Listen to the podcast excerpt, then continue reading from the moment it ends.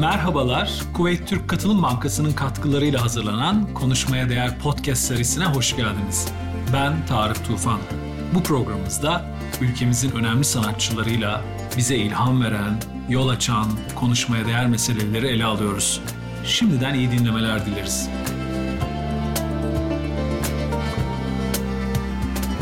Konuşmaya değerde birinci bölümde dinleyen arkadaşlar için e, merakla bekledikleri bir ikinci bölüm olacağını düşündüğüm bir bölümle karşı karşıyayız sizinle.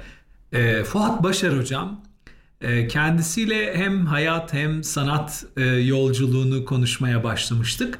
Ve o kadar güzel, ilginç, merak e, dolu bir yerde bıraktık ki ben bu ikinci bölümü kendi adıma merak ediyorum.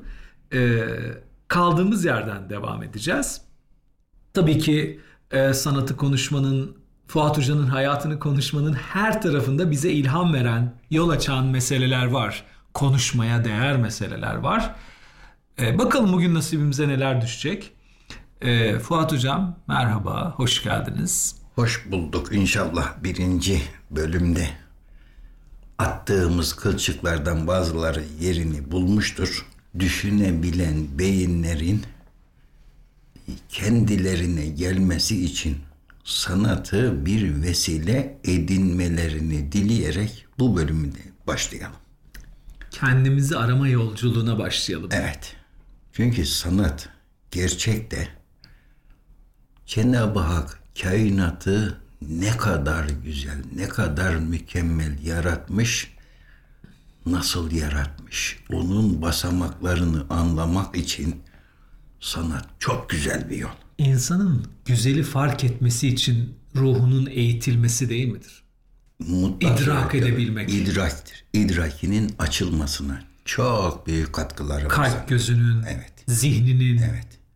Ve insan olma özelliklerini kazanıyor insan sanatla Zaten uğraşarak. sadece insan güzeli, e, güzele şahitlik edip bunu idrak edebilme kabiliyetine sahip. Zaten şu var. e, Cenab-ı Hak bizi dünyaya bir bakıma e, yaratılmış olan her ne varsa onları Cenab-ı Hakk'ın yarattığını bilerek ona şehadet etmek üzere gönderdi ve kelime-i şehadetin manası da bir yerde budur. Onu tasdiklemek, Tasdik anlamak, zaten. anlamak, fark etmek.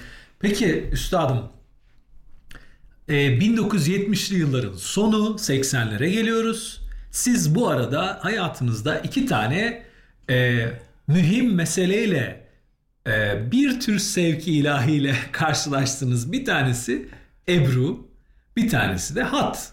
Yani kalem güzeli ve Ebru. Evet. E, ve uzaklarda bir yerde Hamit Hoca var. Hamit Aytaç merhum. E, ve yani siz Erzurum'dan kalkıp İstanbul'a geldiniz. Henüz gelmeden Düzgünman var bu arada hayatımızda. Bir de bir mektup var Mustafa mektuplaşmamız başlıyor. Henüz gelmeden önce 1977 yılında Ebru'yla ilgili yoğun bir şekilde bilgi ve kaynak ararken bir banka yayınlarından Ebru'yla ilgili bir kitap çıktı. Hemen istedim. Aldım. Belki 101. sefer olmak üzere gene bir okuyacağım o kitabı. O kadar nefis hazırlanmış, baskısı gayet güzel. Üstad o kadar insanı teşvik ediyorsunuz ki yani şu an içimde bir kalem güzelini okumak var. Böyle bir nüshasını bulup. İnşallah attığımız kılçıklar demek yerini buldu. Ben ben şu masada emin olun yani o, o kitapları görmek, okumak, bakmak hiç olmazsa şöyle bir çevirmek için büyük bir iştiyak halindeyim. Ee, kimin kitabı neydi o peki? Ee, Ebru ile ilgili. Bu şimdi kendisini hep takdirle e, yad ettiğim ve abi diye hitap ettiğim eczacı Mustafa Uğur Derman.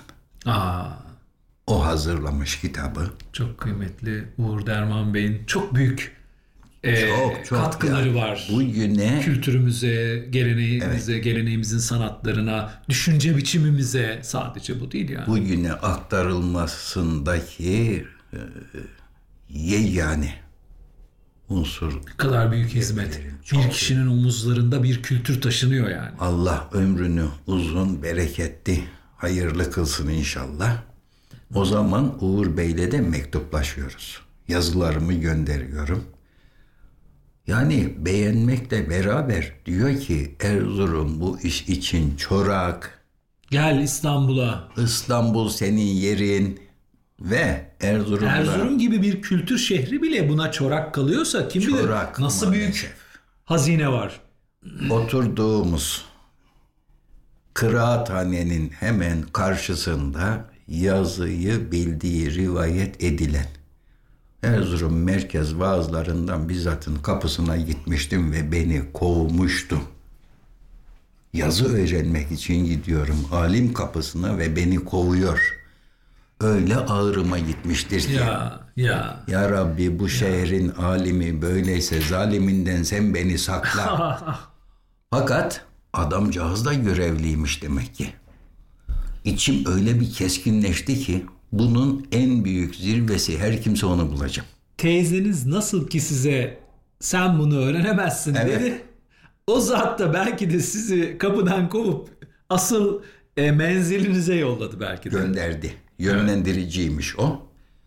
Şimdi Kaderi böyle okuduğumuzda iyinin kötünün anlamı ne kadar değişiyor değil mi? çok değişiyor ve şimdi samimi söylüyorum gönlümden göçtü gitti. Hep şu geçiyor. Allah mekanını yüz bin sefer cennet etsin. Ne güzel Öyle şey. yapmasaydı ben Erzurum'da takılmış kalmıştım. Tabii. Mektuplaşıyoruz. Düzgünmanla mektuplaşıyoruz. Kitaptaki tariflerle olmuyor işte. Eğitimin can noktası. Usta çırak. Evet.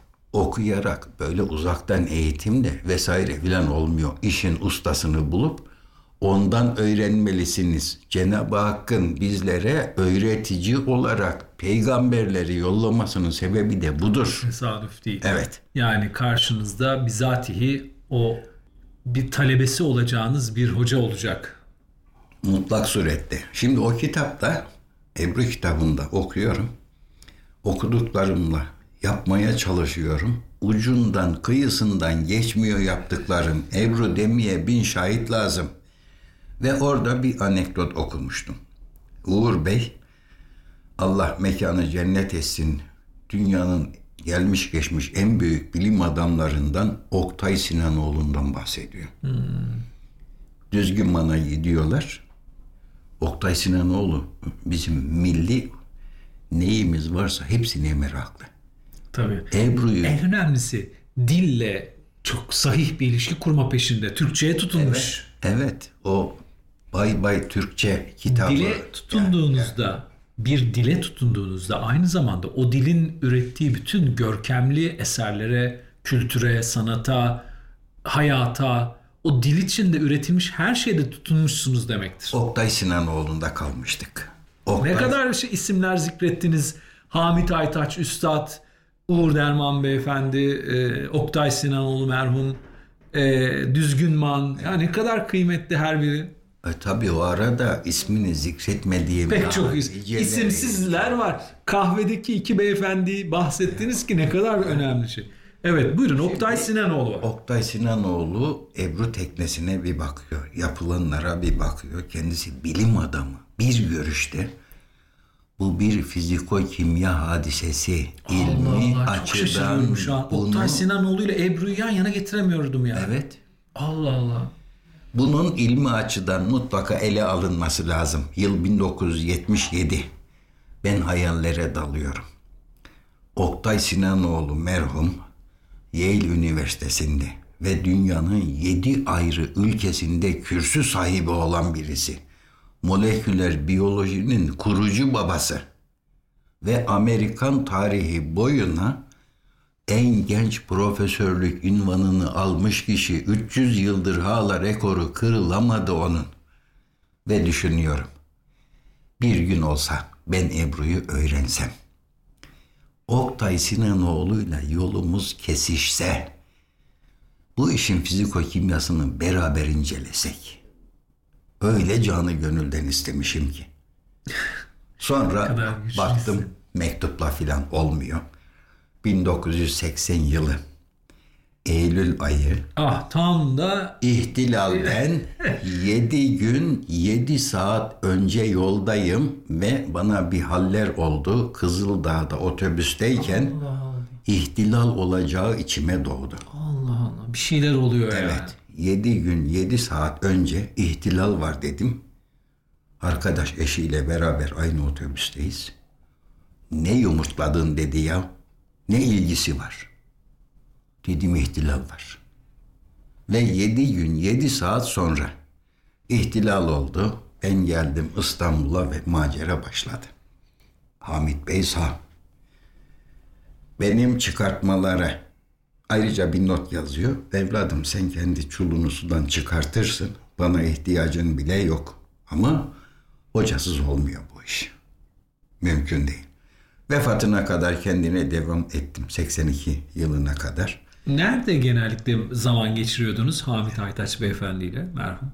Şimdi Ankara Caddesi'nde Reşit Efendi Hanı. Orada küçücük bir oda. Hı, anladım. Yaşlı. Kimi kimsesi yok. Yazı aşkına.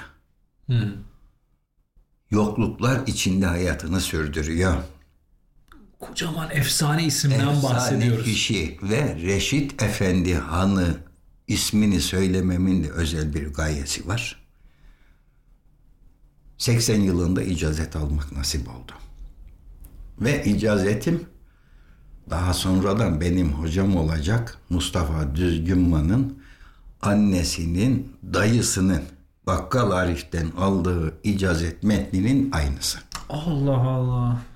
Tesadüf diyoruz ama tesadüf diye bir şey yok Yok aslında. Yok ben zaten bu programda bunu bir kez daha öğrendim Evet. yani. Şimdi Düzgünman'a gitmeye başladık. Ebru teknesini açtı. Yani arada çok çarpıcı hadiseler var. Hepsini anlatamıyorum. Programımızın kapasitesi yetmez buna. Düzgünman'a devam etmeye başladık. Önceden mektuplaştığım için öğrenci almamasına rağmen kabul etti. Yani o sıra Mustafa Düzgünman insanlar kendi uzletinde değil mi yanlış bilmiyorsam lütfen düzeltin. Kırmışlar. İnsanlara uzak, küskünlük içinde, yaptığının kadri kıymeti bilinmiyor. Şimdi- Eserlerinin kıymeti bilinmiyor. insanlara yakın fakat ortalıkta gezen insan dediğimiz mahlukata uzak bir zattır. Aa, tamam böyle düzeltme daha olur. Evet. Ucuza satar Ebru'yu. Ve şunu söyler. Efendim bunu ucuza satalım ki öyle de kibar biriydi ki sekiz batın Üsküdarlı bir ailenin çocuğu. Çok kibardı. Ucuza veriyor. O zaman Süleymaniye Kütüphanesi cilt restorasyonunda ebru kullanmak için toptan ebru alıyor. Bir oraya satıyor. Bir de bilenler üçer beşer tane alıyor. O da yok parasına yani. Ona devam etmeye başladık. Bize dedi ki önce seyredin gözünüz bir alışsın hemen tekne açarsanız yıllar bırakırsınız. Düşündük tecrübe sahibi bir kişi bu cümlesi boş değil. Tekne açın deyinceye kadar tekne açmadık. Ama bir merak 77 yılında bunu kitaptan okuduğum dönemlerde bunun kitreyle yapıldığını okuyorum. Geven diye bir dikenli ottan onun elde edildiğini biliyorum. Allah'ın edeceğine bakın ki oturduğumuz evin dağ eteğinde geven var. Gidip kendim topluyorum. Bu arada İstanbul'a nereye geldiniz? Nereye yerleştiniz? Şimdi Nerede? İstanbul'da geldiğimde otelde kalıyorum. Oteldesiniz. Otel sahipleriyle de bir ahbap olmuşuz. Ucuz bir otelde, bir Beni- odasında. Beni kendi akrabalarından görüyorlar. Halen bu 1980 yılı 2022'deyiz. 42 sene geçmiş. Otel sahipleriyle hala en azından telefonlaşıyoruz. Bu çok bağlayıcı bir şey yani güzel bir şey. Kesinlikle. Bir otel odasında genç bir adam Evet. memleketinden gelmiş. Ucuz bir otel ne olacak ki yani? Yani şimdi- Hangi koşullarda? Yani e, yemeği, bulaşığı, çamaşırı yani her şeyi düşünüyor ya. ister istemez yazı yazarak geçimimi sağlamaya çalışıyorum. Bazen otele borçlanıyorum filan. Epey uzun bir macera da. Ebru'yu öğrenmeye başlıyoruz. Benim kafamda halen Oktay Sinanoğlu Hoca var. Allah Allah. Ya bir arada düşünüyorum ki bu adam ta Amerika'da, Türkiye'de ne işi var? Niye gelsin? Hadi Seni- Türkiye'ye geldi. E, moleküler biyolojiyi bırakıp niye Ebru'ya gelsin? Yani. Ama e, niyet hayır, akıbet hayır. 1980 yılından 1990'a kadar düzgün mana devam ettik. Her iki sanat dalından icazetimizi aldık. Yani e, bu sanatı icra etmeye ve öğretmeye hocamız tarafından yetki verildiğine dair bir belge. Ama sizin aklınızda Oktay Sinanoğlu var. Benim aklımda Oktay Sinanoğlu var. Ee, basından da takip ediyorum. Bir gün aslı Ermeni olan Karababa isimli dergah sahibi birisinin dergahında oturuyoruz. Sohbet ediyoruz. Sanat konulu sohbetler. Bir ara dışarıya bir çıktım. Oktay Sinanoğlu karşımda. Allah Allah. Neredesiniz siz? Ne zaman? Olur iş değil. Olur iş değil bu herhalde 90'lı yıllar filan. Birini benzettim falan diye mi düşündünüz acaba? Tam Yok böyle. Oktay Sinanoğlu. Ben hocaya baktım. Hoca bana baktı o anda püro içiyordu. Öyle de ballandırarak içiyor ki. Hocam dedim siz neredesiniz? Ben yıllardır sizi arıyorum. Bir kucaklaşmamız var. Sanki 40 yıllık birbirine hasretli iki kişi aramızda bir muhabbet doğdu. Hiç yadırgamadı. Zerrece. Sonraki yıllar. Ebru'dan tabii öğrenci yetiştirmeye başlıyoruz.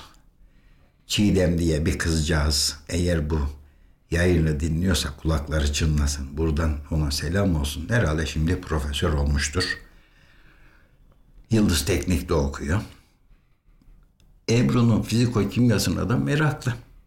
Hocam dedi ben bu işi çalışmaya niyet ettim. Bana yardım eder misiniz? Tam da sizin Oktay Sinanoğlu'ndan beklediğiniz şey değil mi? Tam birebir örtüştü. Allah Allah. Ben dedi e, şeyden rektörlükten bütçe falan çıkartmaya çalışıyorum. Dedim onu boş ver. Bütün malzemelerim benden. Laboratuvarı ayarlamış. Bölüm başkanı Profesör Durul Ören çok kafa dengi bir zattı rahmetli olmuş. Gideriz çayımız gelir, oturur sohbet ederiz. Ebru teknesinde modellemeler yaparız. Bilgisayar destekli çalışmalar yaparız.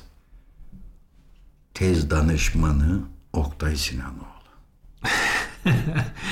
Artık söyleyecek bir şey yok. Dananın kuyruğu orada koptu.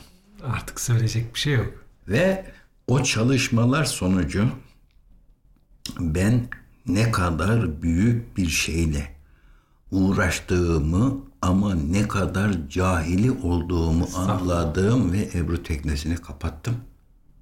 Ben dedim bilmediğim bir şeyle uğraşıyorum. Terbiyesizliğin lüzumu yok. Neye cüret etmişim diye Evet, kendi kendinize. evet. Boyumdan büyük işe girmişim. Çevreden baskı yapıyorlar. Hani bize Ebru, Ebru yap vesaire filan. Kapatmış ve ürkmüş olmama rağmen çevre baskısıyla yeniden başladım. Hangi dönem?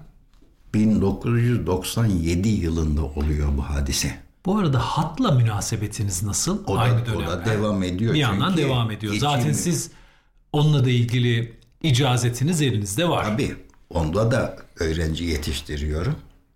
Oradan kazandığım birkaç kuruşla kiraladığım affedersiniz tuvaleti ve suyu olmayan bir yerde Ebru çalışıyorum. Bu arada nerede oturuyorsunuz İstanbul'da? Yerleştiniz. Küçük Ayasofya'dayız. Şimdi esas bağlanacak yerine geliyoruz. Aha şimdi merak ettim. Bu araştırmaları yapıyoruz. Netice çıktı. Ben utancımdan artık tekneye yaklaşamaz oldum. Sonra çevre baskısıyla yeniden başladık.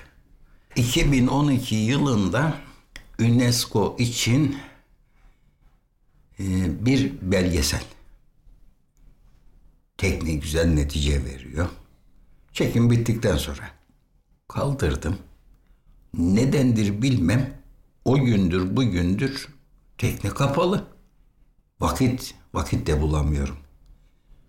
Ama yakında inşallah tekneyi yeniden aşmalıyım. Ve bu kafayla aşmalıyım. Bu kafayla. İş herhalde epey bir değişik mecralara filan gidiyor. Çünkü bunun bilimle olsun, tasavvufla olsun, tecelliyatla olsun çok derin bağlantıları var. Onları hem Ebru teknesinde Ebru yaparken düşünebilmek için yeniden aşmaya çalışıyorum. Şimdi Ebru hocam düzgünmen. Düzgünmen Aziz Mahmut Hüdayi Hazretlerinin türbedarlığını yaptı. Öyle mi?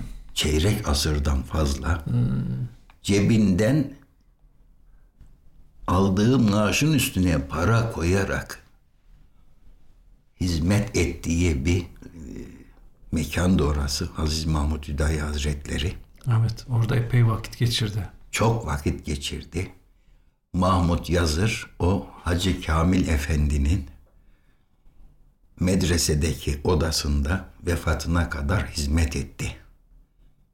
Şimdi burada seyircilerimize yine bir ufak bir e, dinleyenlerimize ufak bir kılçık atalım. Ayasofya Camii'nin şimdiki zaviyesi o zaman medrese.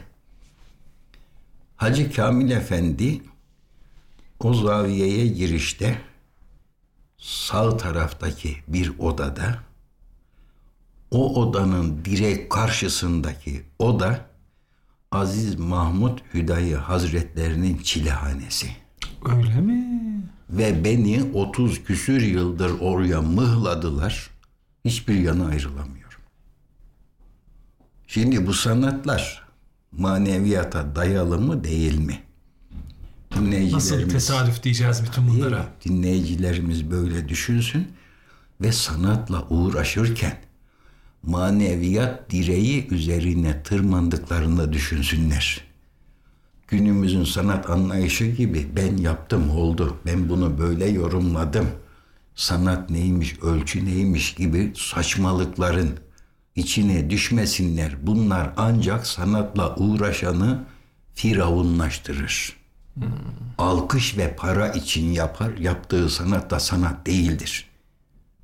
Sanki zannediyorlar ki ben böyle işte sanatta adımdan çok söz ettirerek firavunluğun üst basamaklarını yakalarım. Kendi heykelimi yapar, başkalarının ona tapmasını da isterim. Kendini bilmek denen şeyin şöhret olduğunu düşünüyoruz. Maalesef işin en başında kendini bilen Rabbini bilir dememin sebebi oydu. Daire şimdi tamamlandı evet, bizim için. Kendini bilen putunu bilir demedik ki. Tabii. Kendini putlaştırmaz. Ve maalesef günümüzde söylemeye dilim bile varmıyor. Dini sahada, bilim sahasında ve din sahasında uç noktalara çıkmış kişiler farkında olmadan bu firavunluk ruhunu taşıyorlar. Halbuki uç noktalara çıkanların benliğinden epey sıyrılması lazım. Ben yokum, o var demesi lazım. La edri seviyesine gelmek. Ve kelime tevhidin gerçekten manası da budur. Hı. Allah'tan başka ilah yoktur. Bir insan parasını, makamını, şöhretini, kendisini, sanatını, kendisini, nefsini, nefsini put ediniyorsa asla inananlar, müminler dairesine giremez, mümkün değil. En başta la ilahe derken ilah yoktur diyoruz bakın. Hı hı. Ama onun peşine yani içimizdeki bütün ilahları kaldırıyoruz ortadan. Hı hı. Peşine illallah diyoruz. Ancak Allah. Bunu söyleyen kişi başka bir şey nasıl put ediniyor? Tabii sanat da aslında insanın kendi varlığını, nefsini o kadar körükleyen, o kadar görkemli bir Maalesef. e, iş ki Maalesef. insanın buna kendisini hızlıca kaptırması çok kolay. Çok kolay ve e, Çünkü e, kamunun, insanların ona ilişkin alkışı, muhabbeti, e, gösterdiği teveccüh insanın bir anda benliğini böyle kocaman bir hale dönüştürebiliyor zaten ya. o insanın kayması bir andır. Tabii. Sanatın gayesi de kişinin kendisini bulması. Bunu bu olağanüstü şeyi kim yapmış diye sorduklarında insanda hemen bunu benden başka kimse yapamaz. Sanatçı hayranlık makamına ulaşıyorsa ona helal olsun. Ne demek hayranlık makamı? Cenab-ı Hakk'ın yarattığı her ne varsa demin dedim ya atom fiziğiyle uğraş, Tabii uğraşmaya. sanatçının şahitliğinin böyle özel bir değeri var değil mi Üstad? İllaki var. Yani netice itibariyle siz ben bir renge baktığımda sizin baktığınız gibi bakmıyorum. Bir kayaya baktığımda e, doğanın içerisinde o renklerin iç içe geçtiği bir şeye baktığında ben sizin gördüğünüzü görmüyorum yani. Şimdi atom fiziğiyle demek ki biraz uğraşmamın da şeyi o. Bir tek atomun yapısı. O nasıl bir düzendir? Ayrı bir evren. Şaşmaz bir şekilde şaş, e, çalışıyor. Bir oksijen atomu oksijen atomu olarak kalması gerektiğini biliyor. Burada da kuantum fiziğine biraz girilmesi lazım. Oralara hiç dokunmayalım. Onlar uğraşsınlar hele üstünde. Ama uğraşan kişinin mutlaka inançlı olması lazım. Mutlak surette. Başka hiçbir yolu yok. Ki bir şey sorayım size. O teknede, o suyun üstünde, o renkler, o suyun üzerinde dokunurken siz ortaya çıkacak olan tecelliyi belirleyen ne var? Yani bilmiyoruz. Her seferinde ayrı şey çıkıyor. Bir, suyun kendisi. İki, renkler ve renklerin kıvamı.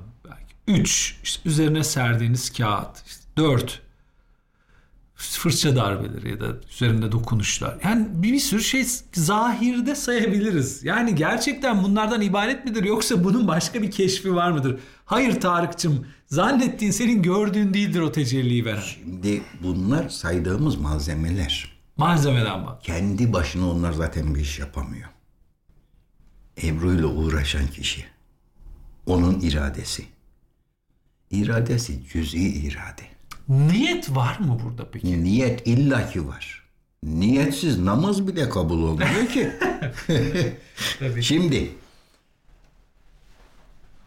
teknede bir şeyler yaparsınız. Düşünürsünüz. Tahayyül edersiniz. Yaptığınız tahayyülünüze ne kadar uygunsa o kadar başarı var. Ama uyanık olan bir Ebrucu şunu düşünür. Bana bu imkanları veren kim, bana yaptıran kim? Benim derdim onunla. Sanat burada gayelerinden birini yakalamıştır. Yoksa abi ben bir evrular yaparım. Tarih boyuna kimse yapamamış bunları. Bak tanesi şu kadar bin dolar. Nerede benim alkışlarım? Bu işin kandırmaca ve şeytani tarafıdır. Kim bu imkanları ona bahşetmişse sanatkarın derdi davası onlandır.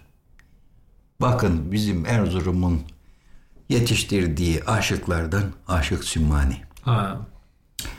Onun e, divanında yer almayan, kayıp olan bir şiiri ve bana demin bahsettiğim felsefeci Ali Karaavcı'nın el altından verdiği şiirinden bir kıtasını okuyacağım. Divan.